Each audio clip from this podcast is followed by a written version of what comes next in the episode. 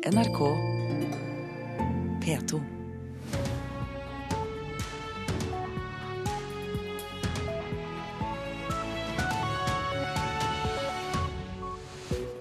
Øystein Heggen ønsker deg velkommen til Nyhetsmorgen. Vi skal straks snakke med vår Asia-korrespondent om bortføringen på Filippinene. Det kommer til å bli flere og større flammer i Norge i framtida, og vi skal snakke med ordføreren i Skien, der vannmassene fylte kjellere og førte til store ødeleggelser nylig. Tidligere medlem av Nobelkomiteen, Sissel Rønbeck, stiller seg bak kritikken av Geir Lundestad som Nobelkomiteen har kommet med. Seks av ti kommuner sliter med å få tak i ingeniører, skaper trøbbel for grønt skifte, sier fagforening. Og app som fjerner reklame, skaper hodepine for norske mediehus. Alt dette i den første halvtimen. Som vi hørte i eh, Dagsnytt, ifølge hæren på Filippinene er altså en nordmann bortført sammen med to canadiske turister og en filippinsk kvinne. Asia-korrespondent Peter Svaar, du har vært i kontakt med folk på Filippinene nå i morgentimene. Vet politiet hvor de bortførte er?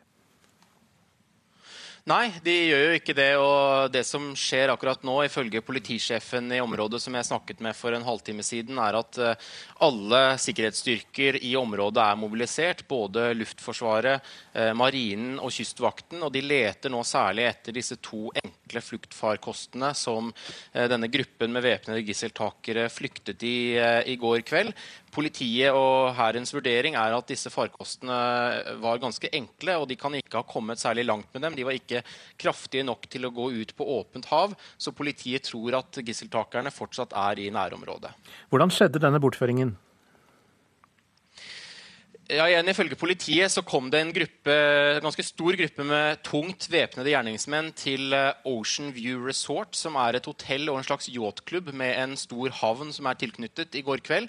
Der fungerte den, eh, dette norske gisselet ifølge politiet som en slags daglig leder. og Politiet tror at gisseltakerne var målrettet. De visste akkurat hvem de var ute etter, og de tror at nordmannen ikke var eh, målet, men at han ble blandet inn.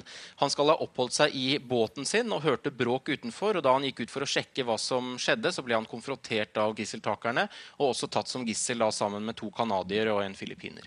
Har politiet noen mistanke om eh, hvilken gruppe som kan stå bak? De sier at de ikke vet det nøyaktig, men det er jo veldig mye som peker mot den islamistiske Abu Sayyaf-geriljaen eller andre mindre grupper som har en tilknytning til dem. Dette er en separatistgruppe som i årtier har kjempet for en egen muslimsk stat på øyene sør på Filippinene, og de har også en lang historie med å ta gisler. Og eh, hva kan da tenkes at denne gruppen ønsker å oppnå, altså som et ledd i denne kampen for separatisme? Hva kan det tenkes at eh, grunnen er til at de går til slike aksjoner? Ja, Det sier politiet at de enda ikke vet, for de har enda ikke fått noen telefon fra gisseltakerne. Det kan selvfølgelig også være løsepenger som uh, er målet her. Det kan være politiske krav. Det er for tidlig å si. Men historisk har Abu Sayyaf løslatt de aller fleste av sine gisler mot uh, løsepenger. Det politiet også sier uh, til meg, er at de har overvåkingsbilder av selve gisseltakingen. de samler nå inn disse bildene også fra dette hotellet. Og problemet deres er at bildene er veldig mørke, så de skal nå sende sendes til eh, det filippinske politihovedkvarteret for å analyseres. og De skal skarpe opp bildene med forskjellig dataprogramvare for å se om de kan gjenkjenne ansiktene på gjerningsmennene ut fra videoen, og sånn sett få seg et bedre bilde av hvilke grupper det er som står bak, om det er noen de kjenner igjen fra før. Takk for den oppdateringen, Asia-korrespondent Peter Svår. Tilbake til Norge igjen. Det kommer til å bli flere og større flommer i landet i framtida. Det viser ny klimarapport som, lagt i, som blir lagt fram i dag. Leder av Norsk klimaservicesenter, Inger Hansen Bauer, sier nordmenn kommer til å kjenne klimaendringene på kroppen. Norge må forberede seg på at det blir mer nedbør, at det blir mer intens nedbør, at det blir et endret flommønster og at det blir økt havnivå. Temperaturene vil også øke. Det vil føre til at balansen i økosystemene kan endre seg. Over 40 forskere har jobbet med rapporten i snart to år, på oppdrag fra Miljødirektoratet. Målet er å forberede Norge på hvordan klimaendringene vil påvirke. Direktør i Norges vassdrags- og energidirektorat, Per Sanderud, sier flere landsdeler vil merke endringene. Det blir større flommer på søndre del av Østlandet, Sørlandet, Vestlandet, Nordvestlandet og Helgelandskysten. De store flommene blir større. Men det blir også sånn at de store flommene som vi ser i dag, de vil inntre oftere. Så det kraftige nedbøret og flommene er altså uunngåelig, men eh, hva kan man gjøre for i det minste å prøve å gjøre seg klare for dette? Nei, det er viktig nå at man ikke bygger i flomutsatte soner. og Dette har vi eh, veiledning og samtaler med kommunene om. Det er kanskje det viktigste tiltaket. Og så må man gjøre mer sikringstiltak enn det man har gjort eh, fram til nå. På Hasle i Oslo har de allerede gjort forberedelser. Der det tidligere lå rør under bakken, har de gravd bekker i stedet. Det gjør at man kan ta unna enda mer regnvann, sier direktør i Miljødirektoratet, Ellen Hambro. Så alle de bekkene som lå i rør før, de må åpnes opp, sånn som her. Sånn at regnet har et sted å gjøre av seg, ikke bare treffer svart, hard asfalt. Så det renner ned i kjellere og garasjer. Grøntområder og grønne tak på husene vil være viktig for at vannet fordrøyes, og vi ikke får krevende situasjoner med oversvømmelser. Eh, så dette er bra for å møte klimaendringene i framtiden. Samtidig har det blitt et estetisk element i landskapet. Her er det fint å gå tur, og fugler og fisk vender tilbake sånne bekker. Og Reportere det var Vegard Valestrand og Eirik Tufteland Kroken. Og vi legger til at Norsk Klimaservicesenter er et samarbeid mellom Meteorologisk institutt, NVE og Uni Research. Skien kommune var eh, et av stedene som fikk merke flommen nylig, og ordfører Hedda Foss Five, velkommen til deg. Takk for det. Hva tror du framtida kan by på for byen din når du hører dette? Nei, Vi er jo forberedt på at eh, klimaendringene fører til at vi eh, må, også i vår by, forberede oss på at det kan komme hyppigere flommer og mer vann. Eh, vi har historiske erfaringer med det. Vi har hatt både 100-årsflom og, og, nå hadde vi jo en 50-årsflom. Så det er, det er, god erfaring og gode rutiner, men vi må nok bli enda bedre, tror jeg, til å planlegge eh, via arealplaner, bebyggelser, offentlige bygg eh, i framtida. Ja, Si litt mer om det. Hvilke tiltak dere setter i verk eh, for å prøve å hindre at flommen rammer folk? Nei, altså Når flommen først kommer, og når vannet først kommer, så er det jo uunngåelige skader som vil skje.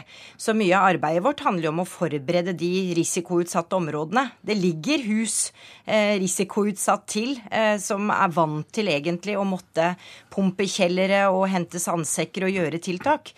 Eh, men eh, vi er nødt til å bli enda tydeligere på å ja, det, er, det er mange tiltak, egentlig, men vi har en, en Bystyret har akkurat vedtatt en sånn stor eh, sårbarhetsanalyse, som det heter.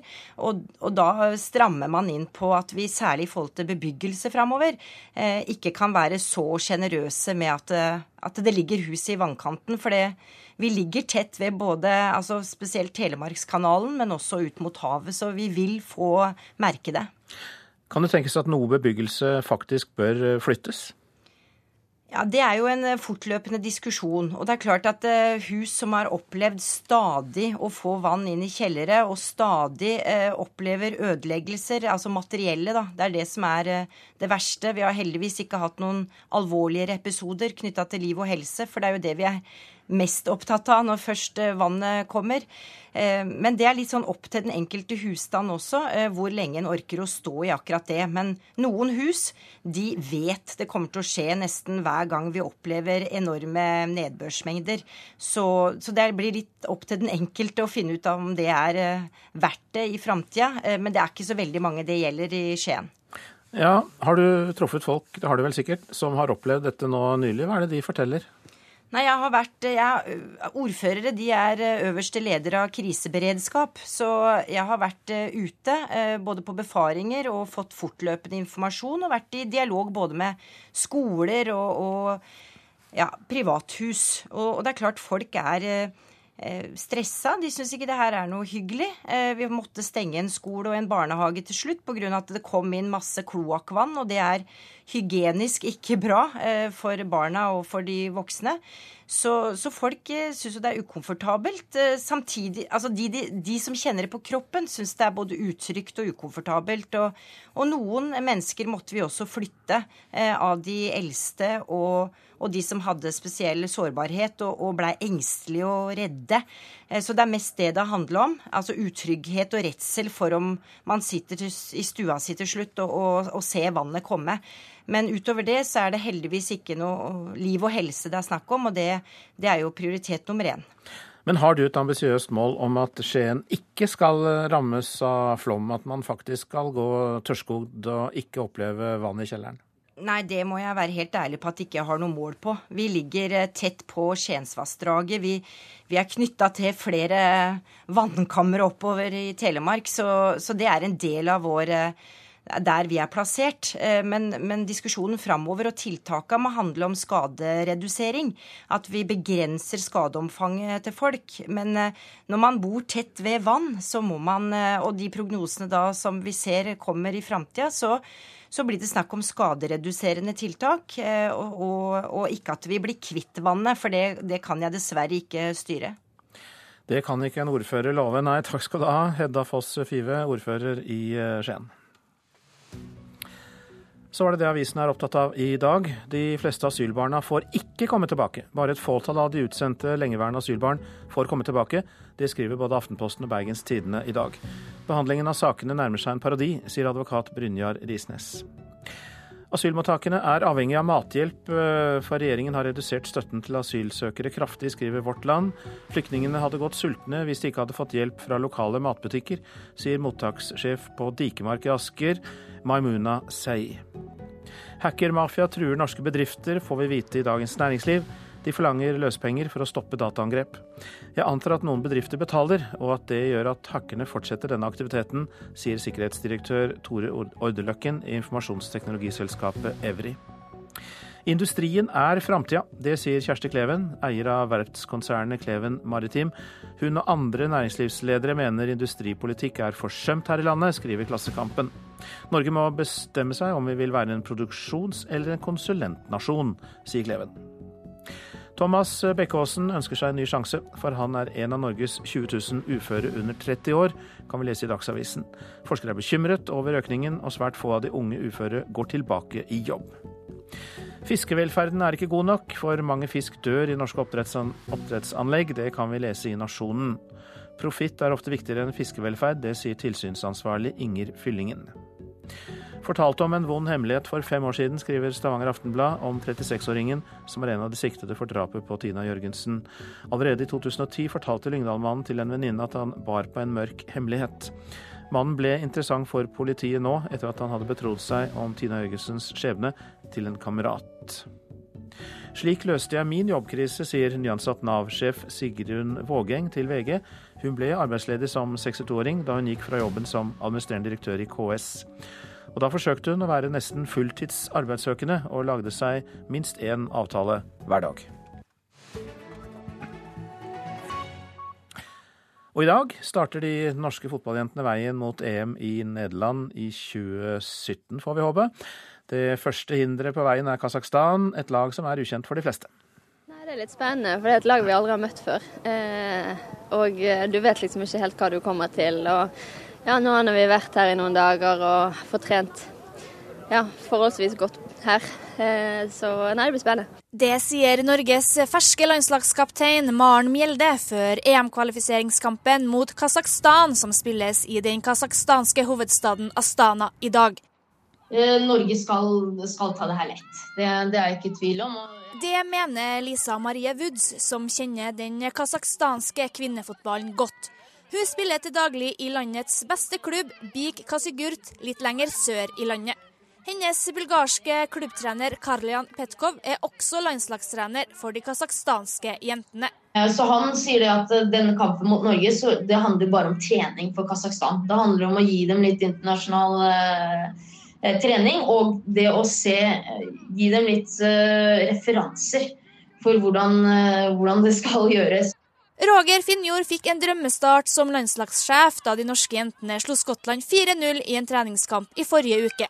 Han tror ikke kampen i dag blir enkel. Det er jo en eh, første kamp i, kvaliken, og vi møter et lag som har eh, utfordra alle sine motstandere, spesielt på hjemmebane. Frankrike for forrige kvalik måtte jobbe veldig hardt for å vinne her, så vi har stor respekt. Så vi har respekt for motstanderne, så vet vi også som, at vi har ferdigheter som skal kunne, kunne spille ned Kasakhstan.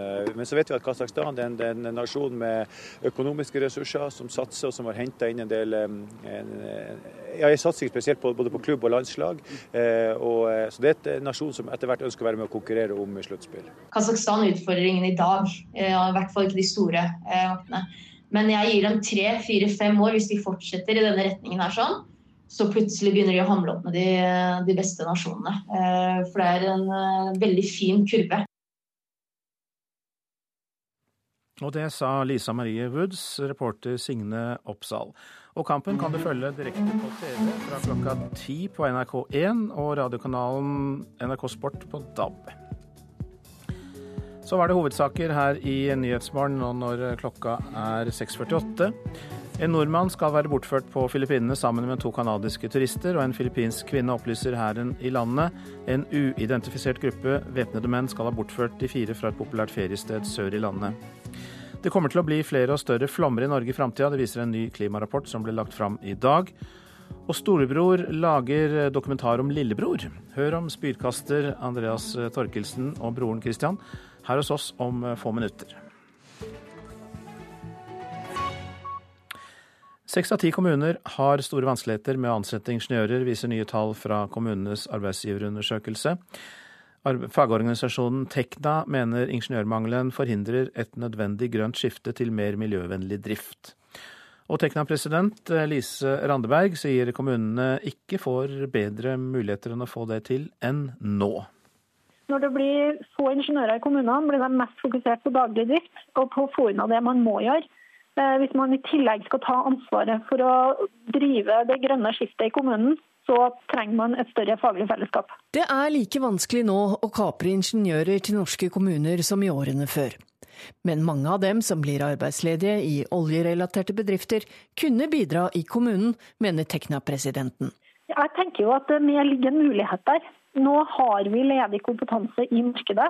Da må kommune og fylkeskommune kjenne sin besøkelsestid og gå ut og aktivt rekruttere den kompetansen de trenger. Seks av ti kommuner sier ingeniører er vanskelige å rekruttere. Det viser kommunesektorens årlige arbeidsgivermonitor. Men det går likevel rett vei, og studentene vet at vi finnes, sier KS-direktør Anne Katrine Hjertås. Jeg tror det er flere grunner. Det ene er jo selvfølgelig at det nå dessverre er blitt mange arbeidsledige ingeniører i oljevirksomheten. Og sånn sett så er det jo potensialet for dem til å jobbe i kommunal sektor. En annen årsak er også at vi ser undersøkelser som viser at mange studenter nå søker seg til offentlig sektor, og da også til kommunal sektor. Fordi de er på utkikk etter kanskje trygge jobber. Vi har sjøl satt i gang et internt prosjekt Eh, samarbeid mellom kommune, offentlig sektor og studentene for å vise fram de spennende jobbene som finnes i de sektorene for studentene. Sier president Lise Randeberg i fagorganisasjonen Tekna. Sånn at de skal se offentlig sektor som et reelt jobbalternativ når de er ferdig med studiet. Og uten at flere ingeniører velger kommunen som arbeidsplass, blir det ingen grønn omstilling i Kommune-Norge. Det sier Tekna-presidenten. Fordi de sitter både på en planleggingskompetanse, men også på en gjennomførings- og en teknologikompetanse som er helt avgjørende. Det, det, vil være nødvendig med ny teknologi, og det å ta i bruk ny teknologi og også å, å drive innovasjon i kommunal sektor hvis man skal få et grønt skifte. Det kan ingeniører og sivilingeniører bidra med. Og det sa Tekna-president Lise Randeberg. Reporter var Hedvig Bjørgum. Tidligere medlem av Nobelkomiteen Sissel Rønbeck stiller seg bak kritikken av Geir Lundestad. I går uttalte Nobelkomiteen at Geir Lundestad bryter taushetsløftet i boka 'Fredens sekretær'. Han skriver eh, ting og uttaler seg på en måte som jo bryter med den ånden som gjør at man kan arbeide i fortrolighet i en slik komité. Det mener Sissel Rønbeck, som var med i Nobelkomiteen i 18 år. Hun presiserer at hun ikke har lest boken, men uttaler seg på grunnlag av det hun har sett og hørt i pressen. Jeg skjønner også, så sier han ting om eh, hva personer i komiteen har ment i ulike sammenhenger under eh, komiteens arbeid, og det er jo et brudd på forutsetningene. Den tidligere samferdselsministeren støtter dermed Nobelkomiteens uttalelse fullt ut. Som tidligere ansatt er Geir Lundestad bundet av dette taushetsløftet, uansett om han selv mener regelen burde vært endret i retning større åpenhet. Den norske Nobelkomité mener Geir Lundestad på flere punkter har brutt sitt taushetsløfte. Rønbeck forteller at mer åpenhet vil gjøre komiteens arbeid vanskelig. hvis ikke noe skal kunne foregå i eh, fortrolighet og uten hele pressa til stede, så vil det være vanskelig å kunne komme fram til eh, forstandige konklusjoner, og ikke minst konklusjoner som alle skal være enige i, som tilfellet er i, i denne komiteen. Geir Lundestad sier han er uenig i det komiteen skriver, og vil komme med en pressemelding. Reporter her, det var Erlend Kjernli. Mer enn halvparten av Apple-brukerne under 25 år har lastet ned eh, appene som fjerner reklame fra nettstedene, viser en undersøkelse. Nå leter norske mediehus etter løsninger som skal gjøre det vanskeligere å komme seg rundt annonsene. Det er faktisk forskjell på hva du får for 299 kroner og 299 kroner. Se vårt leasingtilbud til kun 1498 per måned. Så det du sier at du er bedre og raskere 4G enn meg? Mm -hmm. Tror du det er derfor jeg ikke får meg dame? Om 15, 20 eller 35 sekunder kan du se klippet som du egentlig er interessert i, men først må du se reklamen. Det er den som finansierer journalistikken. Nå viser en fersk medieundersøkelse at mer enn halvparten av nettbrukerne under 25 år filtrerer bort reklamen. Det er en tendens som bekymrer blant andre innovasjonsdirektør Pål Nedergotten i A-media. For oss så er det den viktigste måten å finansiere journalistikk på per nå i de digitale kanalene. Og det her er noe som representerer en trussel mot finansieringen av journalistikk i Norge. Norske medier har lenge slitt med fallende annonsesalg. De fikk nok en bekymring i fanget da Apple nylig kunngjorde at det nå er mulig å laste ned apper som fjerner annonsene. Nå er appene blant de mest populære, særlig blant de yngre aldersgruppene, som jo også er fremtidens lesere. Så mediehusene leter etter annonseløsninger som det er vanskeligere å komme rundt. Det er ikke bare annonser som blokkeres, det er også alle typer analysemotorer. Det vi bruker rett og slett for å måle trafikken på nettstedene. Så det, det, er jo en av de tingene som vi i utgangspunktet er ganske spent på å finne ut hvordan vi skal håndtere. Det er rett og slett å vite hvor stort problemet er. Torry Pedersen er redaktør i VG. Han vil ikke kalle det krise, men han medgir at blokkeringen er en utfordring. Eh, det er jo slik at Mediene er avhengig av inntekter, og annonseinntekter er én av medienes inntektsstrømmer. Så Sånn sett så er det jo grunn til å ta utviklingen på alvor. Det er ikke noen mediekrise, men det er kriser i mange i mediene. Eh, for brukeren så er det jo tilgang på bedre, bedre og mer informasjon enn noen gang før i historien. Det legger jo det digitale til rette for. Men forretningsmodellene til kommersielle medier er jo under press i hele den vestlige verden. Og på sikt så er det slik at eh, journalistikk er dyrt, eh, og den må på et eller annet vis finansieres. Det har vist seg at det er vanskeligere eh, både å ta betalt av brukeren og å opprettholde annonseinntektene digitalt. Og da vil man på sikt stå overfor utfordringer for journalistikken. Og reporter her, det var Tone Staude. Helt fra han fikk sitt første kamera, har Christian Torkelsen fotografert og filmet spydkaster Andreas Torkelsen fra sidelinja. Og nå lager storebror dokumentar om lillebror. Jeg følte at det var et spennende tidspunkt nå. Sier Christian Torkelsen. Fordi at plutselig så, eh, etter å ha vært eh, verdens beste i tiår, så er plutselig han gjennom en vanskeligere periode. da. Eh, og jobber nå på å komme tilbake. Og Da tenkte jeg at nå eh, er det ekstra spennende. Helt fra han kjøpte sitt første kamera i 12-13-årsalderen, har Christian Torkelsen fulgt lillebror spydkaster Andreas Torkelsen gjennom linsa. Andreas har stort sett gjort de spektakulære tingene, og så har jeg tatt bilder. I dag jobber Christian som videojournalist i TV 2-sporten, og nylig fikk han 800 000 kroner i støtte fra Norsk Filminstitutt til dokumentarfilmen 'Verdens sterkeste lillebror'. Jeg er jo veldig stolt av Andreas og det han har fått til. Og så er det veldig eh, spennende nå å se hvordan eh, det går videre. Det er gull til Norge og Andreas Torkelsen! Speedkaster Andreas Torkelsen fra Kristiansand har vunnet både OL, VM og EM-gull. I fjor gjennomgikk han en hofteoperasjon, og 33-åringen har ikke konkurrert denne sesongen.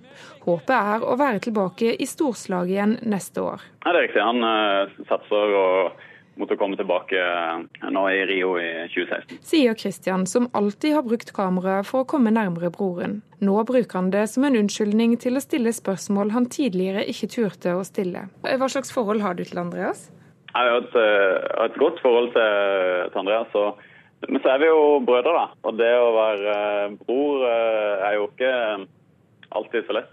Alle, kan, alle, som har søsken, tror jeg kan kjenne seg igjen i, i det med å forholde seg til, til søsken. Så har det betydd at vi gjennom opptakene allerede, og så det som kommer, så kommer man også nærmere hverandre og kan se på hverandre fra litt andre sider da, enn det en har normalt ville gjort. Da. Fordi at en sånn dokumentarprosess tvinger en til å stille spørsmål som en ikke har gjort på begge sider. Og Etter planen så skal dokumentaren 'Verdens sterkeste lillebror' bli ferdig i løpet av høsten-vinteren 2016. Reporter var Miriam Grov. Så var det værvarselet, og vi starter med fjellet i Sør-Norge. Regn fra sør, sludd i høyfjellet, men det blir lite nedbør i nordlige fjellstrøk. Østafjells vest for Oksøy sørøstlig liten kuling, og det blir regn, seinere regnbyger. Og Vi går til Rogaland, som får liten østlig kuling på kysten sør for Stavanger, og det blir regn, men lettere vær til kvelden. Hordaland og Sogn og Fjordane litt regn sør for Bergen, og i indre strøk for øvrig opphold. Møre og Romsdal spredte byger i indre strøk, ellers oppholdsvær. Trøndelag enkelte regnbyger i grensetraktene, ellers delvis skyet opphold. Nordland og Troms litt regn i grensestrøkene, ellers stort sett opphold og til dels pent. Finnmark sør på vidda spredt regn, for øvrig stort sett oppholdsvær i nordvestlige strøk og til dels pent vær. Nordensjøland på Spitsbergen litt regn og yr. Temperaturer klokka fem. Svalbard fire. Kirkenes og Vardø sju. Alta elleve. Tromsø seks. Bodø tolv. Brønnøysund elleve. Trondheim ti. Molde 9, Bergen 7, Stavanger elleve. Kristiansand 10, Gardermoen 7, Lillehammer 9, Røros 7 og Oslo-Blindern 9. NRK P2.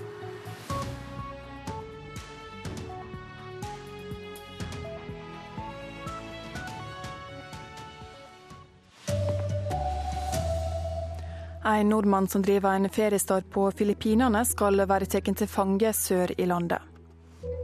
Det blir mer styrtregn og flaum, det sier klimaforskere. Her er NRK Dagsnytt klokka sju. En nordmann skal være bortført på Filippinene. Sammen med tre andre, det opplyser hæren i landet. Nyhetsbyrået Reuters melder at de fire ble bortført i båter av væpna menn. Asia-korrespondent Peter Svaar sier at politiet ikke vet hvor gislene er. Nei, de gjør jo ikke det. og Politiet og hærens vurdering er at disse farkostene var ganske enkle. Så politiet tror at gisseltakerne fortsatt er i nærområdet. Hvordan skjedde denne bortføringen? Ja, igjen Ifølge politiet så kom det en gruppe, en ganske stor gruppe med tungt væpnede gjerningsmenn til Ocean View Resort, som er et hotell og en slags yachtklubb med en stor havn som er tilknyttet, i går kveld. Der fungerte den, dette norske gisselet ifølge politiet som en slags daglig leder. og Politiet tror at gisseltakerne var målrettet, de visste akkurat hvem de var ute etter, og de tror at nordmannen ikke var målet, men at han ble blandet inn. Han skal ha oppholdt seg i båten sin og hørte bråk utenfor, og da han gikk ut for å sjekke sjekke hva som skjedde, så ble han konfrontert av gisseltakerne, og også tatt som gissel da, sammen med to canadiere og en filippiner. Har politiet noen mistanke om hvilken gruppe som kan stå bak? De sier at de ikke vet det nøyaktig, men det er jo veldig mye som peker mot den islamistiske Abu Sayyaf-geriljaen eller andre mindre grupper som har en tilknytning til dem. Dette er en separatistgruppe som i årtier har kjempet for en egen muslimsk stat på øyene sør på Filippinene, og de har også en lang historie med å ta gisler. Peter Svaar ble intervjua av Øystein Heggen. Det kommer til å bli flere og større flaumer i Norge i framtida. Det viser en ny klimarapport som blir lagt fram i dag. Leder av Norsk klimaservicesenter, Inger Hansen Bauer, sier nordmenn kommer til å kjenne klimaendringene på kroppen. Norge må forberede seg på at det blir mer nedbør, at det blir mer intens nedbør, at det blir et endret flommønster og at det blir økt havnivå. Temperaturene vil også øke, og selv om det kanskje ikke vil gi direkte de største utfordringene for samfunnets tilpasning, så vil det være en utfordring for økosystemene våre. Det vil føre til at si, balansen i økosystemene kan endre seg. Volkswagen har dumma seg ut og skal gjøre opp for seg. Det sier bilprodusentens USA-sjef Michael Horn til avisa Financial Times.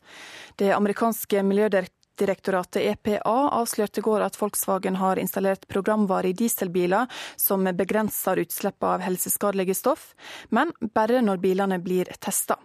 Volkswagen risikerer bøter på opptil 148 milliarder kroner. NRK Dagsnytt, Ingvild Ryssdal.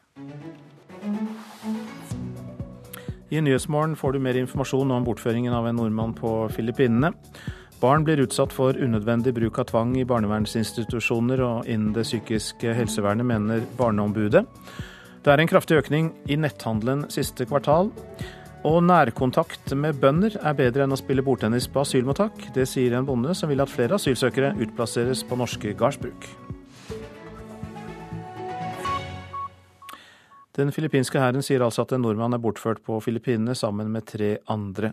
Utenriksdepartementet undersøker nå disse opplysningene. Vi i utenrikstjenesten er kjent med at det skal ha vært en hendelse som involverer en nordmann eh, på Filippinene. Men vi kan verken bekrefte eller avkrefte at det stemmer. Vi er i ferd med å undersøke saken nærmere. Sier Veslemøy Salvesen, pressetalsperson i UD. Det var i går kveld lokal tid det skjedde, ifølge lokalt politi, at en gruppe væpna menn kom til en hotell- og yachtklubb med en stor havn på øya Somal. De tok med seg fire personer. To canadiske turister, en lokal kvinne og altså en nordmann. Nordmannen er ifølge politiet daglig leder på feriestedet. Den norske ambassaden undersøker nå opplysningene, sier Salvesen. Ambassaden er nå i kontakt med lokale myndigheter på Filippinene. Dvs. Si at de kontakter eh, lokalt politi her. Eh, de har også kontakt med sitt øvrige nettverk, både andre lands eh, ambassader og lokalt nettverk på stedet der det skal ha skjedd. Den filippinske hæren har satt inn fly og marinefartøy i jakta på gjerningsmennene.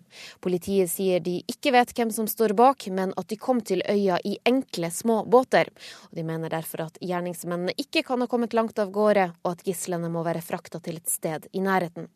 Hvem den bortførte nordmannen kan være, vil Utenriksdepartementet ikke si noe om. Har dere oversikt over hvor mange nordmenn som holder til eh, og bor i dette området? Nordmenn som bor i utlandet har ingen meldeplikt til norske myndigheter, så vi har aldri en total oversikt over nordmenn i utlandet. Reporter Irina Kjelle. Det blir brukt unødvendig mye tvang i barnevernet. Det mener Barneombudet, som har undersøkt tvangsbruk mot barn og unge ved barnevernsinstitusjoner og innen det psykiske helsevernet. Barna de har snakket med, skildrer tvangsbruken som krenkende og skremmende. Jeg synes ikke det er greit at de legger meg i politigrep. Sier en sju år gammel gutt. Det var verst å bli holdt nede, og ikke få puste, og ikke komme seg løs. Sier ei jente på 17.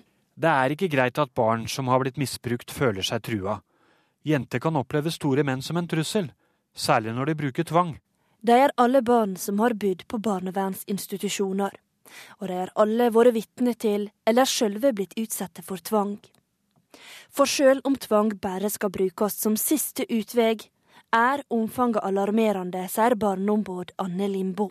Altfor mange barn, både i psykisk helsevern og på barnevernsinstitusjoner, utsettes for unødvendig alvorlig tvangsbruk. Det finnes mange ulike former for tvang. Fotfølging, ransaking eller å bli binda fast med reimer. Den mest vanlige bruken av tvang er å fysisk holde en person fast.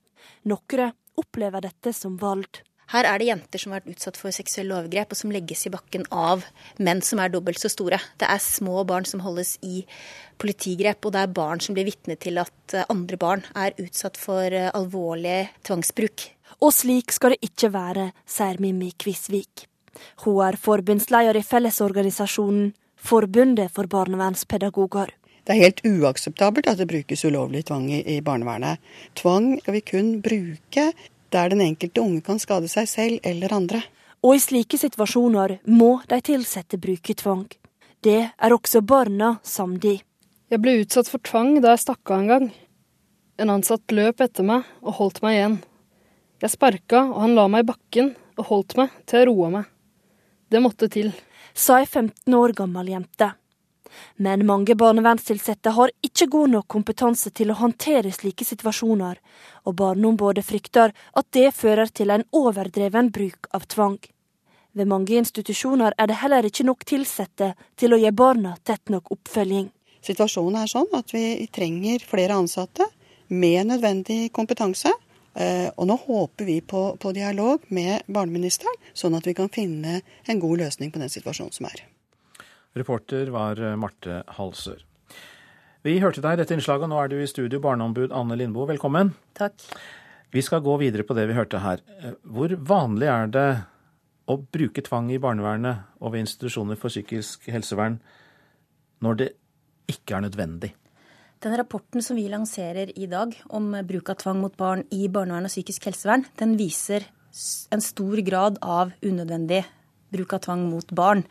Bare i Oslo f.eks. Eh, i 2014 så var det 2381 tilfeller av bruk av tvang mot barn i barnevernsinstitusjon i Oslo og Akershus.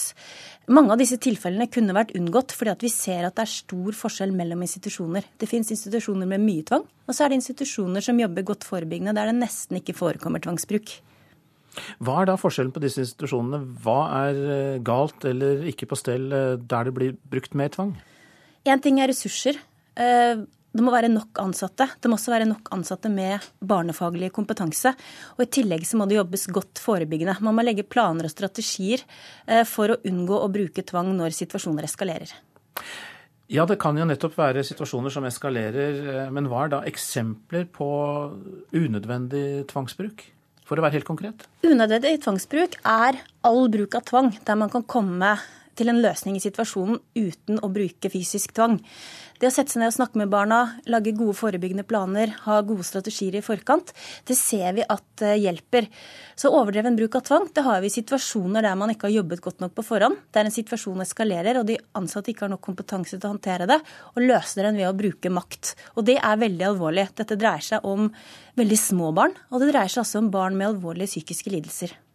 Men det kan jo også virke nødvendig kanskje å holde et slikt barn, og så få roet det ned. Og da må man jo bruke muskler. Man må bruke makt. Eh, og kan, kan det, er det også feil?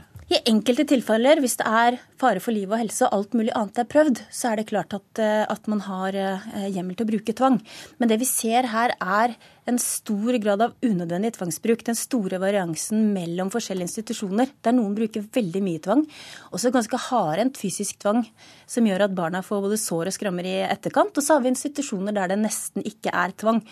Og det er klart at det er ikke så stor forskjell mellom barna på disse institusjonene. Så det viser at det pågår mye lovstridig bruk av tvang på en del institusjoner, og det er et stort og grunnleggende brudd på barns menneskerettigheter. Ja, men uh, Si litt mer om hva slags typer tvangsbruk dere har avdekket. Da, enda litt mer konkret. fordi Altså, hvis, hvis, det er sår og skader, så er det jo ikke bare det at de blir holdt og, og, og, tatt fra et sted de ikke skal være, til et annet? Nei, det kan være langvarig fastholding. Det kan være det å, å legges i bakken. Det kan være det å legges i, i, bakken i politigrep, få et kne i halsen, få armen eh, vrengt eh, bak på, på, ryggen. Og det kan også være langvarig fotfølging 24 timer i, i døgnet. Og det kan være ransakelse av, av, seg selv og av rommet sitt. Det er noen eksempler. Og det kan også ytterste konsekvens være beltelegging og remmer i psykisk helsevern. Hvilke alternativer vil dere i eh, barnevernet, nei, dere, dere i eh, Barneombudet ha til tvang? Barna selv beskriver tvangsbruken som det utsettes som vold. Det skjer også på barnevernsinstitusjoner som skal være hjemmet til barna, der de skal eh, oppleve trygghet og omsorg. og Derfor er vi nødt til å finne en løsning på, på dette. En ting som er viktig, er at barnevernet må ha nok ressurser. Det er også viktig at det må være nok ansatte på institusjoner med barnefaglig kompetanse. I dag er det altfor få. Og så må det også drives forebygging og kursing av alle ansatte om hvordan forhindre unødvendig tvangsbruk. Mange takk skal du ha, barneombud Anne Lindboe, for at du kom hit til eh, Nyhetsmorgen. I dag gjennomføres et trafikkeksperiment på E18 innover mot Oslo. Målet er å fjerne køen i morgenrushet på Norges mest trafikkerte vei. Intet mindre. Og det er mange som står eh, sammen om denne aksjonen. Reporter Kalle Turkerud, du står ved Ikea på slepehendene i Asker, så vidt jeg vet. Er køene blitt borte? Køene er ikke borte, men jeg og kommunikasjonssjef i NAF Ingrid Elisabeth Sagedal vi står og vurderer denne køen her, om det er mye eller lite biler. Hvordan syns du det ser ut nå? Ja, men Nå flyter det jo. Det ja. flyter forbi slepeenden. Det er mulig det snører seg litt mer når du kommer nærmere Sandvika. Eh, det som skjer da, det er jo at folk svinger jo ikke av veien for å parkere. For det er klart når det flyter, så, så funker det jo. Ja. Men dette er jo, vi har jo flere tiltak for å få flyt. Norges største trafikkeksperiment noensinne i dag. Kort, hva er det det handler om? Det handler om at vi altså, skal ta ut 10-15% av bilene i, dag for å få flyt. Eh, for det er snakk om så lite fra kø til flyt. Vi syns at kø er en uting. Det er samfunnsøkonomisk veldig uh, lite smart. Og så er det veldig lite hyggelig bruk av tid for deg og meg. Og Dessuten så må vi begynne å trene oss på å være trafikanter på forskjellige måter, nå som storbyene vokser. Og Det handler om å sykle, det handler om å bruke kollektiv og det handler om å fleksibel arbeidstid bl.a. Og f.eks. det som er kjerneeksperimentet i dag, at dere har fått hva skal vi si, for å låne parkeringsplassen til Ikea, slik at folk kan svinge av, parkere her, og så er de gira opp med tog og buss herfra og inn til Oslo. Ja, Det er et av de mest konkrete virkemidlene NAF er opptatt av. At vi må få til innfartsparkeringer langs hovedårene inn mot storbyene. Eh, og Dette her er en sånn pop-up-variant. Eh, vi har fått låne denne for å vise hvordan dette kan fungere i praksis. Ideelt er det ikke. Det er ikke skilt langs E18 og ikke sanntidsinformasjon, sånn som vi ønsker. Men bussene står her klar, og vi ønsker jo virkelig nå at eh, flere skal prøve å svinge av veien ved slepeenden i dag. Få en kopp kaffe og en bolle og være med på dette eksperimentet. Og prøve seg som kollektivister på buss. Det kan bli en hyggelig opplevelse. I dag får du sitteplass på bussen. Fordi nemlig som, Mange av de som kjører bil, kanskje alle, har ingen annen mulighet, men de kunne byttet halvveis og vært litt kollektivtrafikanter også? Ja, for det, det, er ikke så lett for alle å starte turen eh, med noe annet enn bil. Det er ikke alle som har en buss som går hyppig nok. Det er noen som skal bringe barnehage og få unna en del gjøremål på morgenen. Men man behøver ikke dermed å kjøre bilen inn til jobben i byen. Og Det er det vi ønsker å, å peke på. At det å, å eh, innfartsparkere og bruke kollektiv inn til byen, det er en veldig lur løsning, som man har prøvd bl.a. i flere byer i England. Og vi har lagd en egen rapport om hvordan det kan fungere. Men nå samarbeider vi jo med NSB i dag også, da, så det er jo ekstra kapasitet. Og nå flyter det jo antagelig fordi flere har gjort andre valg i dag. Ja. Og uh, dette fortsetter fram og gjennom dagen. NAF uh, har fått med seg Telenor og Microsoft og flere store bedrifter også til å oppfordre sine eh, ansatte til å være med på dette eksperimentet. Største noensinne. Uh, 600 biler skal ut av trafikken, så vil etter teorien i hvert fall trafikken flyte litt lettere. Vi får se hvordan det kommer til å gå. Mange takk skal du ha, Kalle Trukkerud, som hadde med seg Ingrid Elisabeth Sagedal fra NAF. Og så kan jo da du som er i bil eller har tenkt å bruke den, tenke deg om en gang til og prøve å være kollektivtrafikant i dag. Klokka den passerte nettopp eh, kvart over sju. Dette er hovedsaker. En nordmann skal være bortført på Filippinene sammen med to canadiske turister og en filippinsk kvinne, opplyser hæren i landet. Eh, det er en uidentifisert gruppe som skal ha bortført de fire fra et populært feriested sør på Filippinene. Det blir brukt unødvendig mye tvang i barnevernet, det mener Barneombudet, som har undersøkt tvangsbruk mot barn og unge ved barnevernsinstitusjoner og innen det psykiske helsevernet. Og I dag eh, skal eh, de første av de nye kampflyene Norge har kjøpt, avdukes i Texas. Mer om det snart. Men først om at netthandelen øker. Varehandelen på nett økte med drøye 15% i annet kvartal sammenlignet med samme kvartal i fjor. Totalt eh, kjøpte nordmenn varer på nett for 6,6 milliarder kroner fra april til juni i år, viser tall fra arbeidsgiverorganisasjonen Virke. Og En liten sjekk i Oslos gater avslørte at eh, grunnene folk har til å handle på nett, kan være ganske så forskjellige. Åh, oh, himmel og hav. Alt. PlayStation 4, spill, kjøkkenmaskiner, PC, nettbrett. I Norges største nettbutikk, komplett.no, trodde de nesten ikke sine egne øyne da bestillingene starta å renne inn i rekordfart mot slutten av fjoråret. Ja, jeg kaller det netthandelstsunamien. 18 år etter nettbutikken åpna, handler folk plutselig langt mer enn vanlig, forteller Anton Hagberg, kommersiell direktør. Var dere forberedt på det, slik at dere hadde varene folk etterspurte på lager og sånne ting? da? Vi har jobba ganske mye, for å si det mildt. På det meste så var vi 250 stykker som jobbet på lageret av gangen. Så det har vært en, eh, en veld, eh, veldig strevsom, men hyggelig desember. Og det ser også ut til at farten holder seg veldig bra opp i januar. Det viste seg ikke være den saken vi eh, ville sende, men eh, det gjør vi nå, nemlig den som forteller oss at det var en sterk økning i eh, varehandelen på nett i andre kvartal. Nå har jeg to små barn, da. Så da er det ofte litt lettere å sitte hjemme og klikke hjem ting enn å gå i butikken. Det er det at du kan finne litt mer unike ting enn å måtte liksom gå rundt og lete i butikkene og sånn. Jeg tror mest det er kjedsomhet, egentlig. Så du sitter hjemme og kjeder deg, og så handler du litt? Grann. Ja, det blir fort sånn. Tallenes tale er tydelig. Netthandelen øker, mens handelen i de fysiske butikkene stopper opp. Det blir stadig vanskeligere å ikke være til stede på nettet, sier direktør Harald Andersen i Virke. Kundene forventer egentlig en sånn sømløs opplevelse, enten de eh, orienterer seg om priser på mobiltelefonen, de kjøper varer på PC-en sin, eller de går og kjenner på eller reklamerer på varene i fysisk butikk. At hvis du vet størrelsen, da, og vet funker. Du, vi, altså vet funker, ja. ja. Og vet uh, hvordan fungerer og sånn, hvis du har prøvd det fra, i en ordentlig butikk, så kan jeg godt kjøpe ting på nett. Slippe å gå på et senter på en lørdag f.eks., for, for det er jeg ikke noe glad i. Bedre å sitte hjemme i sofaen. Veldig mye bedre.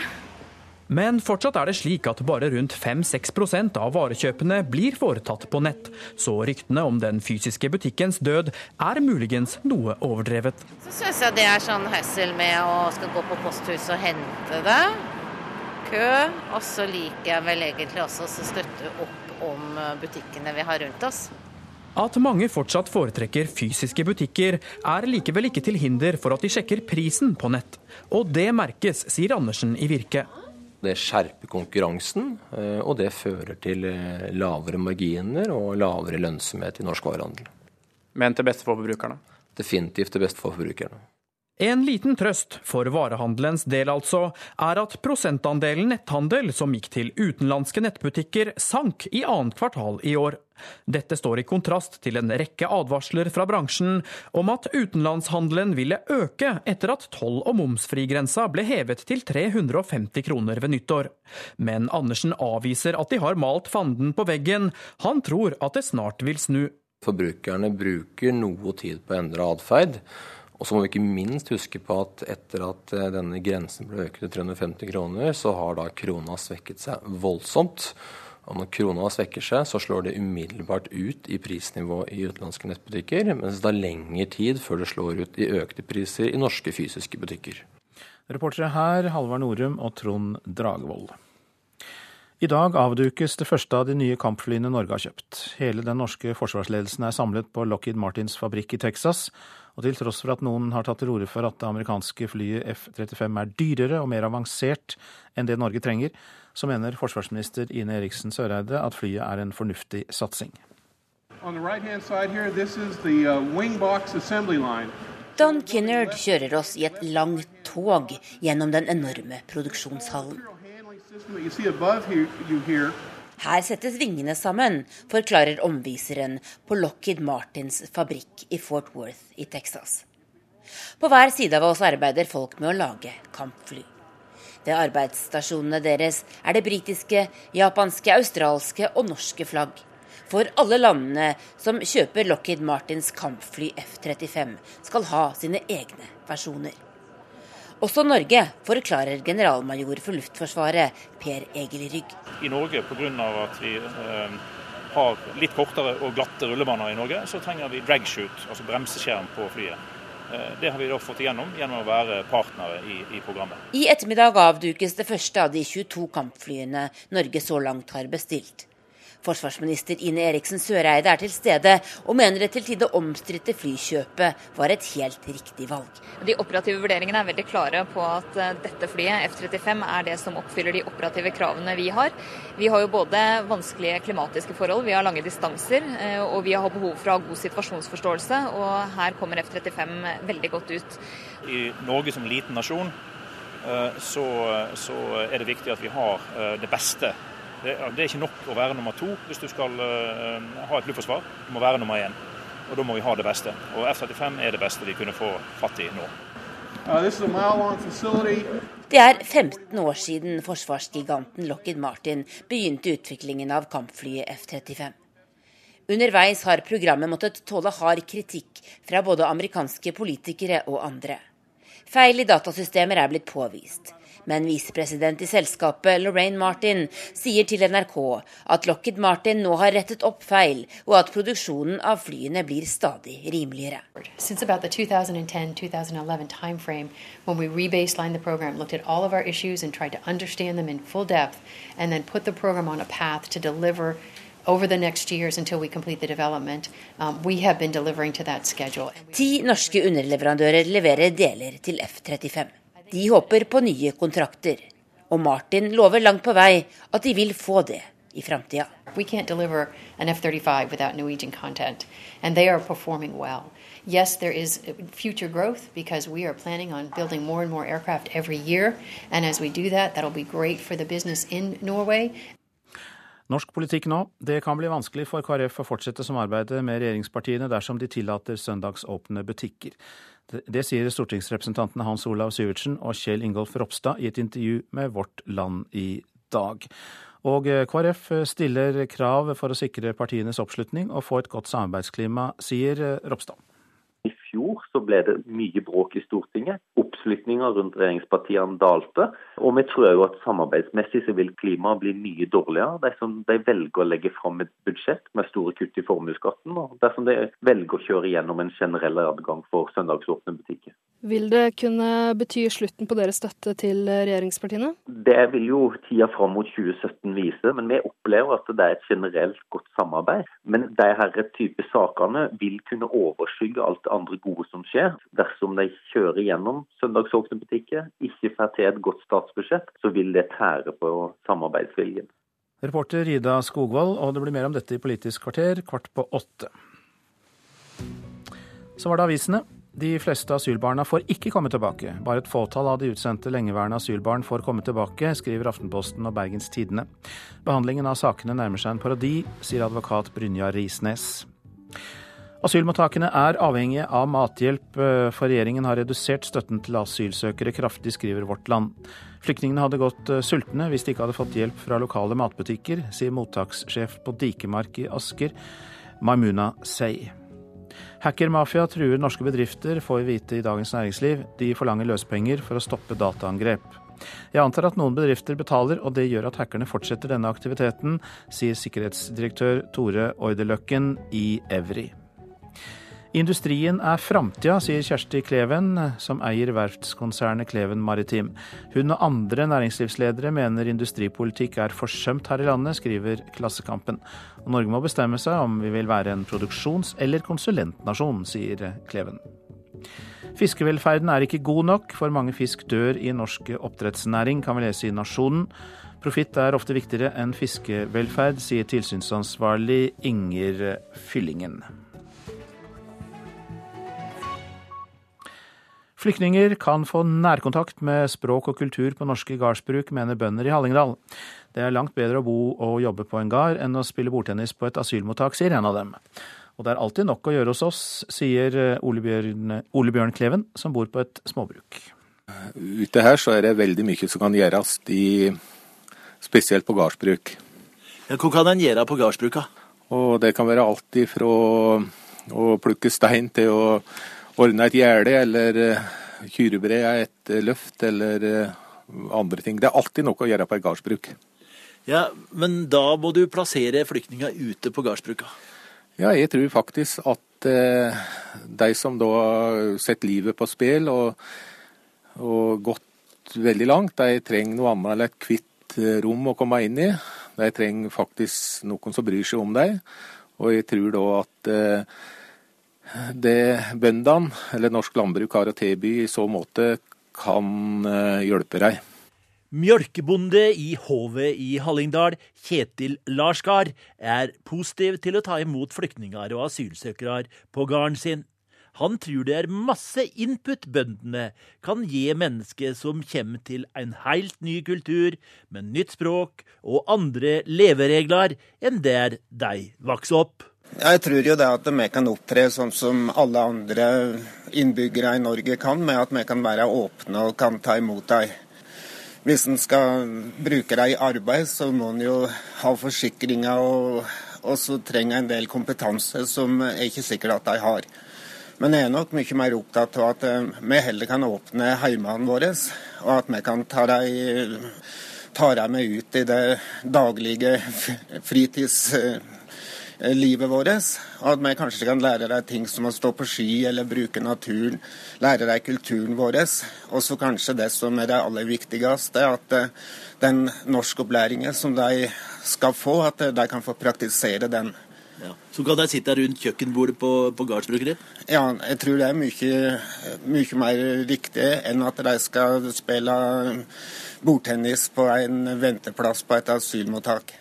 Det syns jeg hørtes ut som veldig, eh, en veldig god idé. Regiondirektør Siv Kjelstrup i Utlendingsdirektoratet er svært positiv til at bønder gjerne vil ta imot asylsøkere og flyktninger på gårdene sine. Og vi syns jo det er flott at det er så mange som engasjerer seg og er opptatt av de flyktningene som nå kommer til landet, og som vi, vi skal finne, eh, eh finne mottaksplasser til.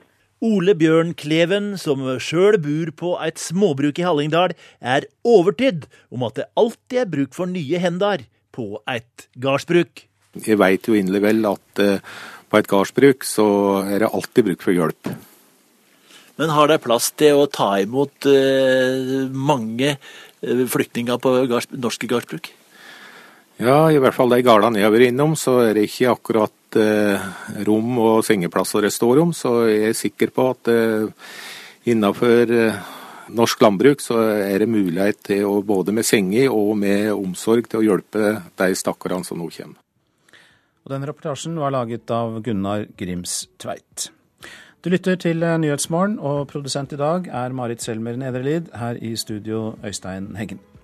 Og du kan få være med på et grunnkurs i mongolsk diplomati hvis du lytter til radioen din på denne kanalen etter Dagsnytt klokka 7.40. KrF truer med å bryte det borgerlige samarbeidet. Tilstanden for samarbeidet mellom regjeringen og støttepartiene er tema for Politisk kvarter, som altså begynner kvart på åtte.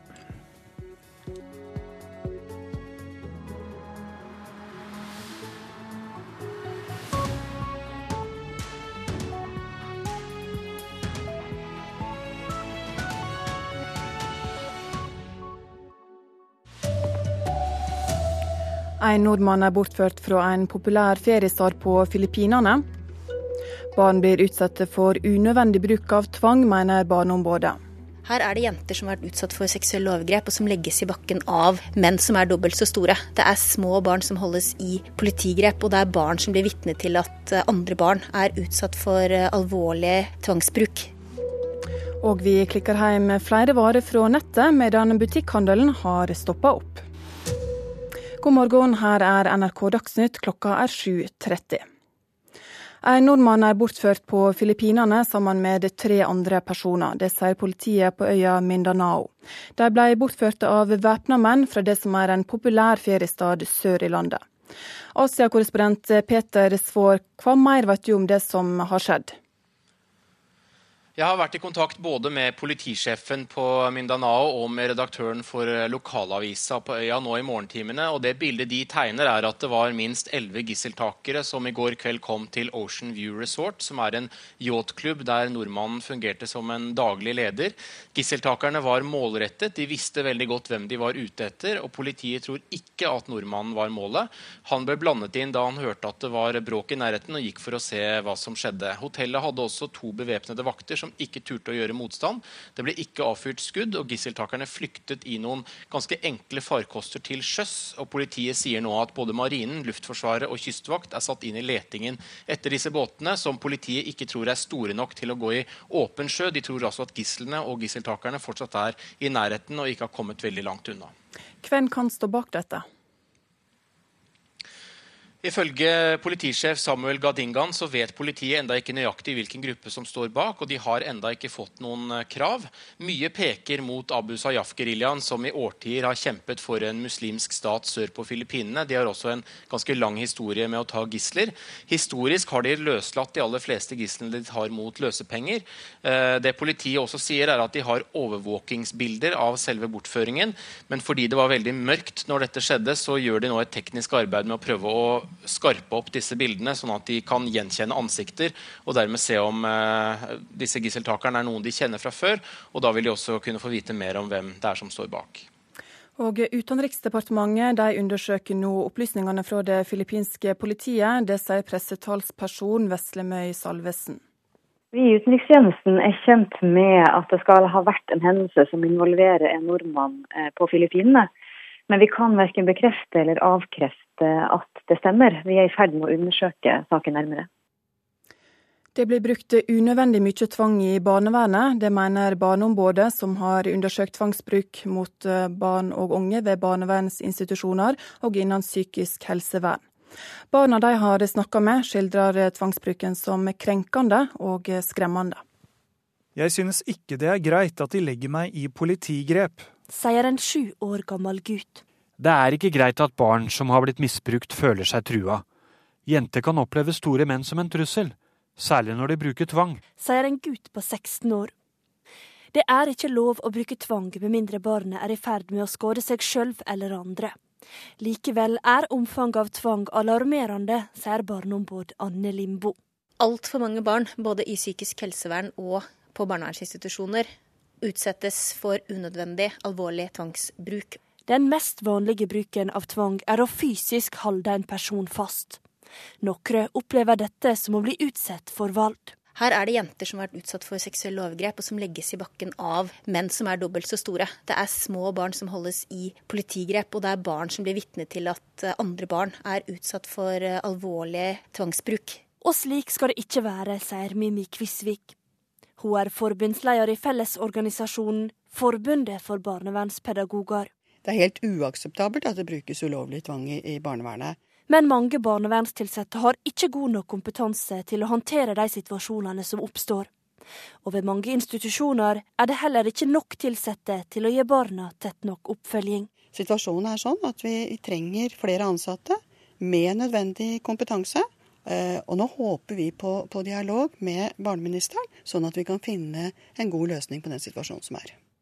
Reporter var Marte Halsør, og rapporten 'Grenseløs omsorg' blir overlevert til barne-, likestillings- og inkluderingsministeren og statssekretæren i Helse- og omsorgsdepartementet klokka ni i dag.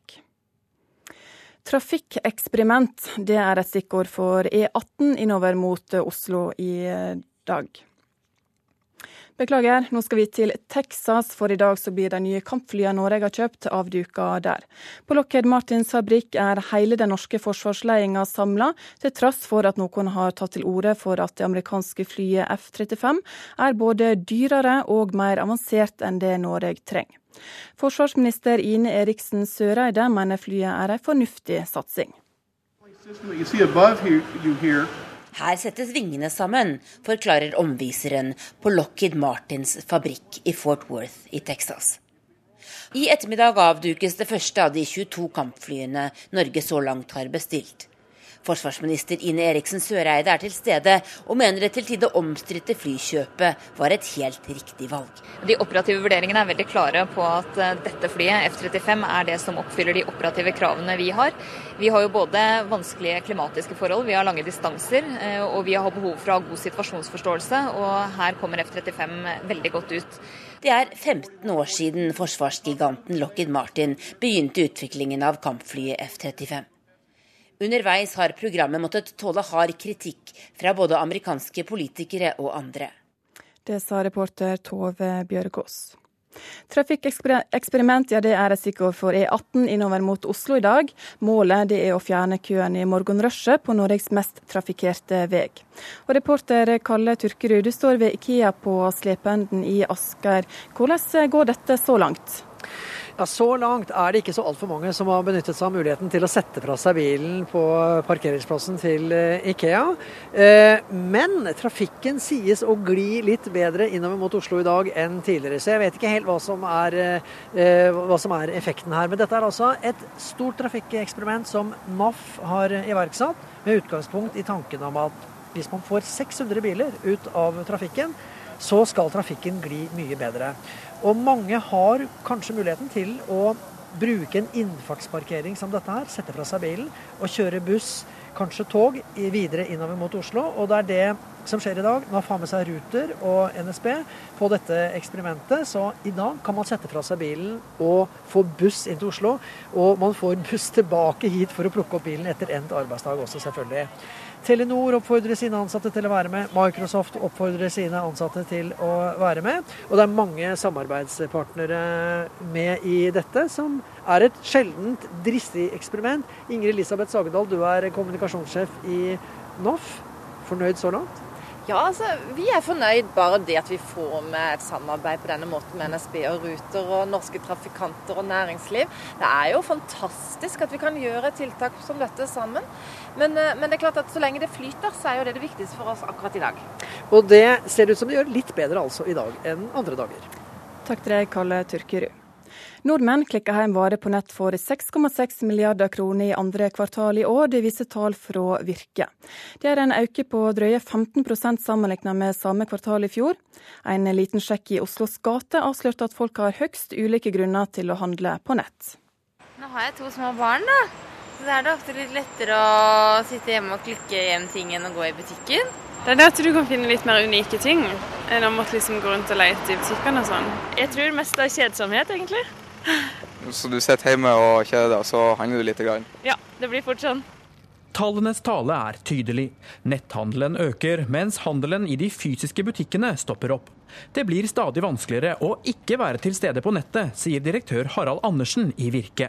Kundene forventer egentlig en sånn sømløs opplevelse, enten de eh, orienterer seg om priser på mobiltelefonen, de kjøper varer på PC-en sin, eller de går og kjenner på eller reklamerer på varene i fysisk butikk.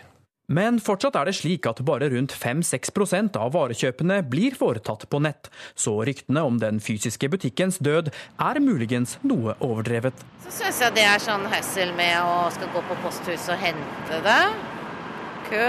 Og så liker jeg vel egentlig også å støtte opp om eh, butikkene vi har rundt oss. At mange fortsatt foretrekker fysiske butikker, er likevel ikke til hinder for at de sjekker prisen på nett. Og det merkes, sier Andersen i Virke. Det skjerper konkurransen, eh, og det fører til eh, lavere marginer og lavere lønnsomhet i norsk varehandel. Men til beste for forbrukerne? Definitivt til beste for forbrukerne. Reportere var Halva Norum og Trond Dragvoll. Ansvarlig for denne sendinga var Anne Skårseth, Hanne Lunås og Ingvild Ryssdal.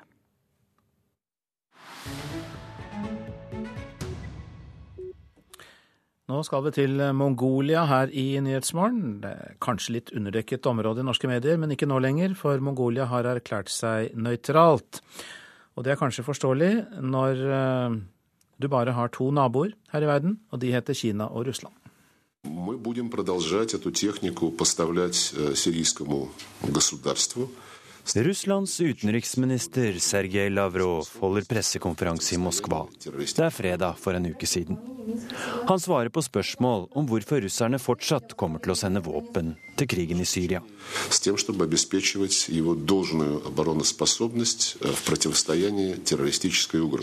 Men la oss forsøke å se litt nærmere etter. Bak Lavrov henger det to flagg, og ved siden av ham sitter en dresskledd herre som nyhetsbyrået Reuters ikke fanger opp hva sier. Flagget som henger der ved siden av det russiske, tilhører Mongolia. Og mannen er den mongolske utenriksministeren Lundeg Purev-Suren på Moskva-besøk. Uh, just two days ago, I visited Russia uh, on the official visit. Uh, met also my Russian counterpart, uh, Sergei Lavrov, and uh, we have also exchange of views and opinions. so we have, we have Jeg hadde møter med Sergej Lavrov, og vi utvekslet synspunkter og meninger, sier utenriksminister Purevsuren diplomatisk, når NRK spør ham om møtet. Sannheten er at det var under dette besøket han fortalte sin mektige nabo at Mongolia heretter ønsker å være nøytrale. Ryktene vil også ha det til at Russland ikke liker det noe særlig.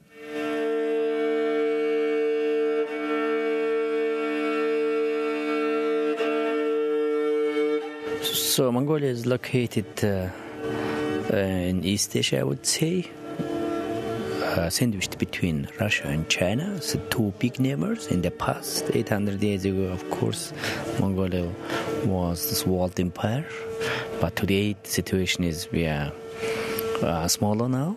Uh, Vi ligger inneklemt mellom Kina og Russland. For 800 år siden regjerte vi over dem begge. Men nå er vi et ganske lite land, sier Lundeg Purevsuren i en særdeles hastig historie- og samfunnsfagsleksjon. Vi er in the region one of the leading democracies since 1990. Mongolia democratic country. Og for å sammenfatte. I Sovjetunionens levetid var Mongolia alltid en veldig trofast alliert med Moskva. Men ved kommunismens sammenbrudd i 1990 sveipet en fredelig demokratisk revolusjon over steppene, og i de siste 25 åra har Mongolia prøvd seg fram med både markedsøkonomi og flerpartisystem. Å erklære nøytralitet er et logisk neste skritt, mener utenriksministeren. Sveits er et ideal med sin nøytrale rolle i diplomatiet landene imellom.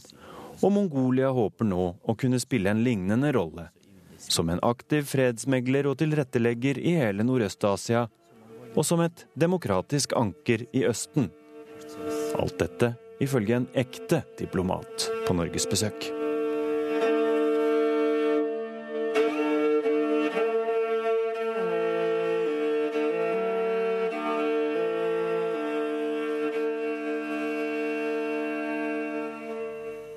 Og det var reporter Tore Moland som eh, her fikk et grunnkurs i mongolsk diplomati av landets utenriksminister.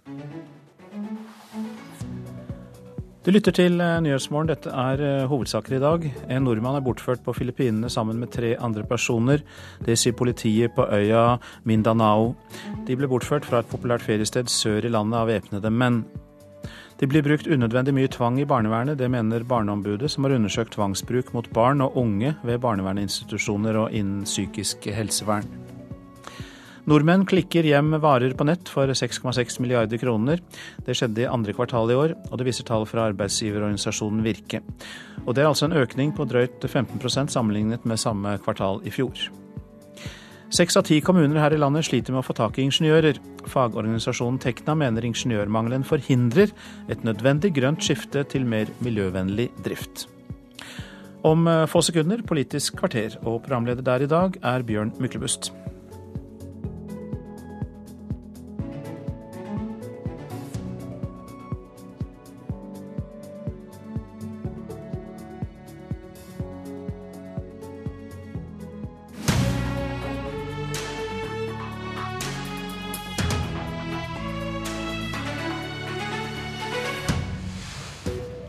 Hvis det ser ut som U-ordet og høres ut som U-ordet Kristelig Folkeparti går i dag ut med en advarsel til Erna Solberg.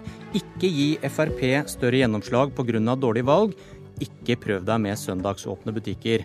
Ellers, sitat, dette er en skjebnehøst for borgerlig samarbeid. Noen ganger trenger man kanskje ikke si ultimatum, bare man er trygg på at det blir oppfattet som et. Velkommen til Politisk kvarter, stortingsrepresentant Kjengl Ingolf Ropstad i KrF. Takk. I avisa Vårt Land i dag ser du og din partifelle Hans Olav Syversen bekymret på oss, og du er sitert på at dette er en skjebnehøst for det borgerlige samarbeidet. Store ord? Ja, vi har vært gjennom en, det jeg vil kalle en krevende valgkamp, der de to hovedsakene har vært egentlig flyktningkatastrofen der vi har sett at Frp har egentlig oppfordra kommunene til å ikke bosette eller ta imot flyktninger. Eh, og den andre saken har vært søndagsåpne, generell adgang for søndagsåpne butikker. Og begge de to sakene der har jo KrF egentlig vært eh, i frontalangrep mot regjeringa. Og det har tært på engasjementet for samarbeid.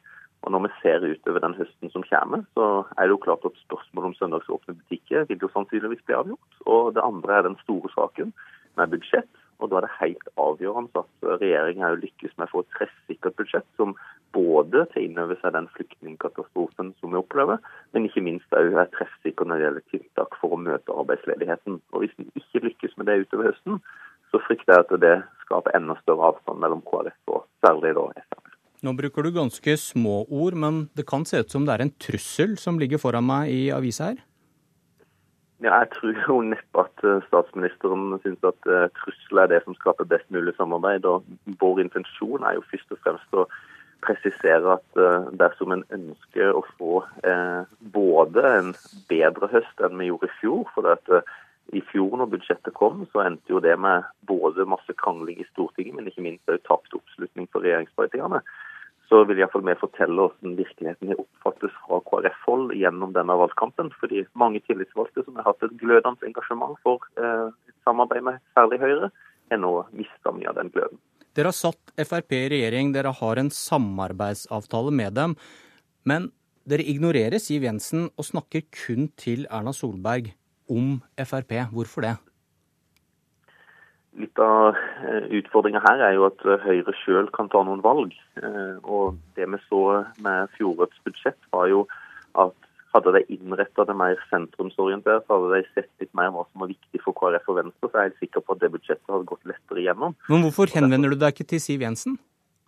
Fordi det er Høyre som kan ta mye av styringa her, men, men, samtidig kan vi òg si at Fremskrittspartiet må òg se hvordan landskapet ligger i Stortinget. Men jeg, men jeg, tror først og fremst så er dette mer et inntrykk av hvordan eh, KrF opplever landskapet. Og, og, kanskje du vil si at det er mange som forventer mer av Erna Solberg òg i disse sakene. Det tross alt ligger nærmere Høyre. Og så må regjeringa ta sine valg til slutt. De er nok av gode strateger i regjeringsapparatet, men, men dette er sånn stemninga har vært opplevd for KrF. Men hvis du var så opptatt av det borgerlige samarbeidet, kanskje det hadde vært en bedre strategi å skryte av det dere har fått til?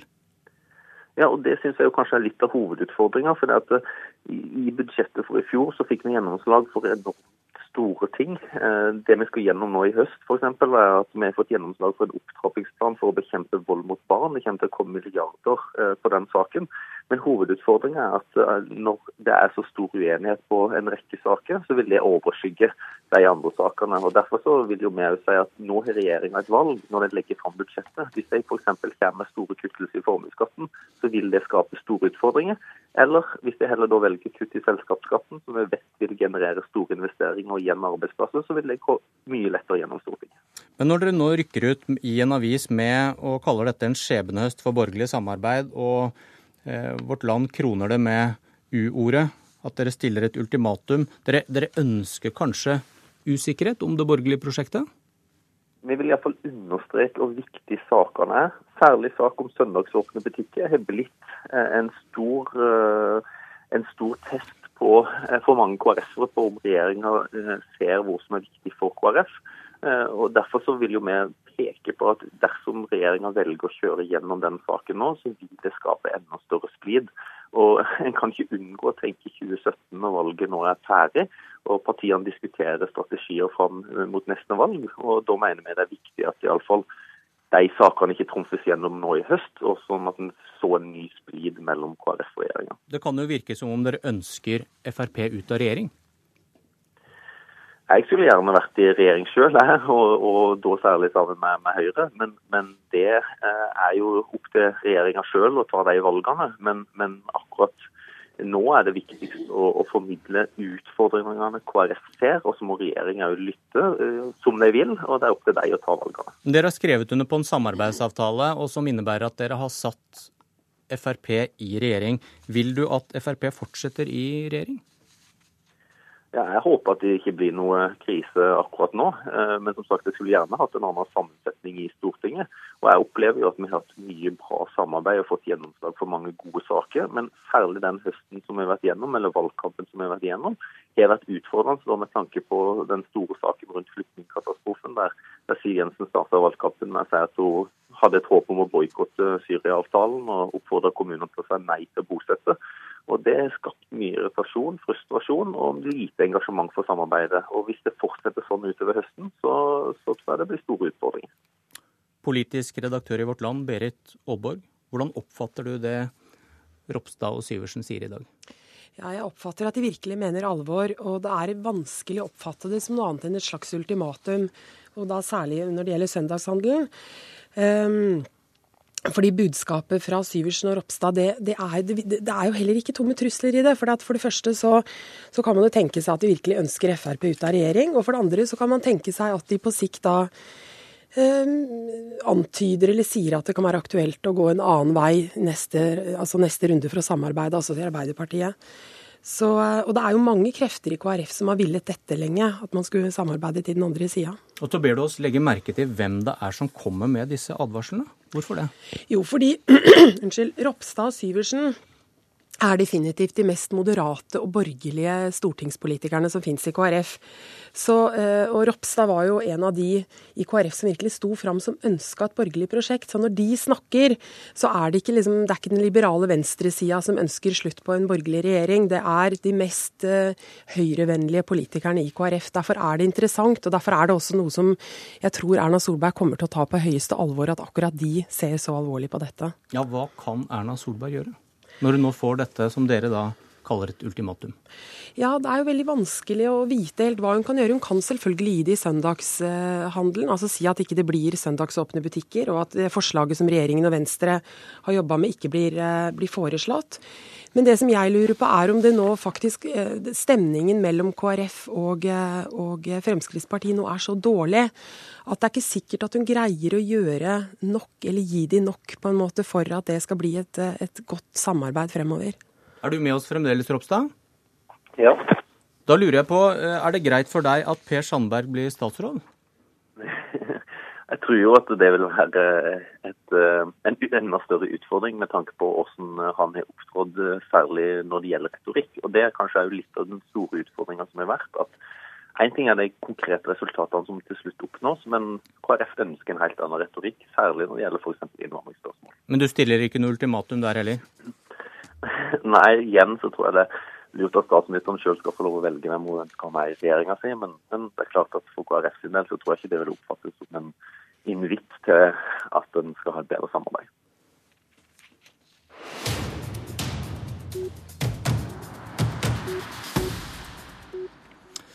Kristelig Folkeparti samarbeider med Høyre, fristes av Arbeiderpartiet, og her kommer nok et tilbud inn døra. Arild Hermstad, leder av Framtiden i våre hender, velkommen. Takk for det. Forklar hva du mener med en ny grønn blokk i norsk politikk. Eh, det jeg mener med det, er at uh, vi ser nå at uh, miljøpartiene begynner å få litt mer oppslutning. Vi har fått et nytt uh, grønt parti som har kommet over 4% De Felles for disse partiene som er mest miljøvennlige, dvs. Si Venstre, Miljøpartiet, eh, SV og KrF, er at de er til sammen eh, Hver for seg er de ganske små, men til sammen så er de ganske store.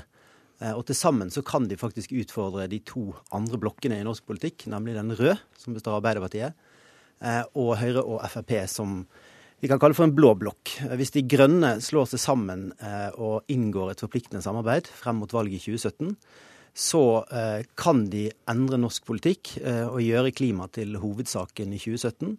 Og så tvinge selvfølgelig de to andre blokkene til en bedre miljøpolitikk. Men ikke minst så kan de da utgjøre et selvstendig alternativ til å virkelig komme i gang med en klimadugnad. For det, det disse fire partiene vet, er at klimaet det haster mer enn alt annet. Og På sikt så utgjør det selve rammen for å drive annen politikk. Men hvordan i all verden skal denne blokken få flertall for noe som helst? Altså, eh, hvis vi ser på hva SV og Venstre har fått til eh, med de to blokkene de har deltatt i de siste årene, så har de fått noen små seire som har vært bra og viktige. Eh, men det store slaget, der har ikke de klart å få gjennomslag. Eh, og det tror jeg også fordi at man binder seg til den logikken som ligger i blokkpolitikken. Altså man lar den økonomiske politikken eh, på en måte ha forrang. Altså det, det økonomiske politikken er jo skillelinjene stort sett. Eh, og det gjør at eh, man ikke oppnår den store omstillingen som vi må få til. Eh, Men du forklarer meg ikke hvordan denne blokken skal få flertall for noe som helst? Selvfølgelig må den da finne ut hvilken del av politikken som kan gi best klimapolitikk, og hvilken del av politikken som kan gi en klimapolitikk som fyller dette slagordet grønt skifte med innhold. Og vi vet jo at det fins krefter både i Høyre og Arbeiderpartiet som ikke vil være fullt så grå som det politikken deres har vært til nå. Det fins eh, mange krefter i partiene som faktisk eh, kunne eh, dratt partiene enda bedre i en mer klimavennlig retning. Guri Melby, byråd for samferdsel og miljø i Oslo, og i Venstres sentralstyre fikk vi svar på spørsmålet om hvordan en grønn blokk skal få flertall for noe som helst? Nei, og det er vel det, det store ubesvarte spørsmålet i det her. Altså, jeg skjønner jo litt sånn hva, hvor Arild Hermstad vil hen, at man vil se på hvordan miljøpartiene kan få mer innflytelse. Og det er jo jeg også veldig opptatt av. Men hvis du da mener at ditt, de tre-fire grønneste partiene skal stå sammen i en blokk, så mener jeg at vi får en blokk som da for det første spriker veldig på alle andre saksfelt, og også hvordan vi har tenkt å gjennomføre det grønne skiftet. Eh, og i tillegg så får vi da en blokk som ikke får gjennomslag for de sakene som man faktisk er enige om. Eh, for jeg tror jo at veien til å få store miljø- og klimagjennomslag er nettopp gjennom å inngå forpliktende samarbeid med partier som Høyre og Arbeiderpartiet. I Oslo så har vi nå sittet i byråd i fire år sammen med Høyre, og jeg mener at vi på den måten både har gjort Høyre grønnere, og vi fører landets mest ambisiøse miljøpolitikk med kraftig kollektivsatsing. Vi har levert en ambisiøs klima- og energistrategi. Så det er fullt mulig å få til god miljøpolitikk sammen med Høyre og Arbeiderpartiet. Det mener jeg vi også gjør på Stortinget. Men jeg synes jo at noen av de tingene som har skjedd den siste perioden, viser veldig godt hvordan en sånn grønn blokk ikke ville ha fungert noe særlig. For vi ser jo at I de sakene der Venstre har bundet opp regjeringa i forkant, f.eks. For på vern av Lofoten og Vesterålen, så får vi jo et stort gjennomslag. SV lyktes med det samme i den forrige åttiårsperioden. Men på alle de miljøsakene vi ikke har bundet opp Høyre eller Arbeiderpartiet, så finner de jo sammen. Eh, og Da sier de ja til snøscooterkjøring, ja til fjorddeponi i Førdefjorden og alt det her. Og dermed danne en sterk grå blokk. Og selv om da faktisk de grønne partiene stemmer sammen i disse sakene, så har vi jo null gjennomslag. Men, men altså, du forutsetter jo at klimasaken eh, kan vinnes med sånne små seire, mens den store politiske retningen i dag er at vi bygger infrastruktur som binder oss til utslipp 20-30-40-50 år frem i tid. Altså Det er oljesektoren som får lov til å fortsette å lete etter olje alle andre steder enn i Lofoten og Vesterålen. Eh, vi bygger infrastruktur, altså flyplasser, eh, motorveier, som også binder oss til eh, altfor høye utslipp langt inn i fremtiden. Og utslippene i Norge går altså ikke ned. Det gjør de i mange andre land. og det mener jeg at alle fire miljøpartiene har en forpliktelse til å anstrenge seg litt hardere. Eh, og, og selv om man syns at borgerlig eller sosialistisk er den store skillelinjen i politikken, så mener jeg at klimasituasjonen er såpass stor eh, og egentlig krever litt mer handling enn, en den tradisjonelle tenkningen som, som, du viser her. Ja, men forskjellen er jo også at uh, når du snakker om det på denne måten, så virker det som du vil at miljøpartiene skal være ettsakspartier. Eh, men jeg mener faktisk at vi har større utfordringer i politikken. Et stort miljøparti, De Grønne. Ja, og, og, jeg tror at det både vil skade ja. miljøsaken og det vil skade veldig mange andre politikkområder. Jeg for min del ville jeg ikke stemt på et parti som bare var opptatt av miljø. For jeg er også veldig opptatt av at vi må gjøre noe med barnefattigdom, med integrering og med flyktninger. Men altså Partiene kan beholde en del av identiteten sin, men spørsmålet er frem til valget i 2017 om man ikke skal prøve å anstrenge seg hardere for å bli bedre kjent danne bedre allianser, sånn at man faktisk kan virkelig endre norsk klimapolitikk. Jeg tror vi må sørge for at de alliansene vi allerede er i, blir grønnere. Og Jeg tror det er bra det at det går an å både være sosialist og liberal, og likevel stemme et miljøparti. Politisk kvarter er slutt. Hør flere podkaster på nrk.no podkast.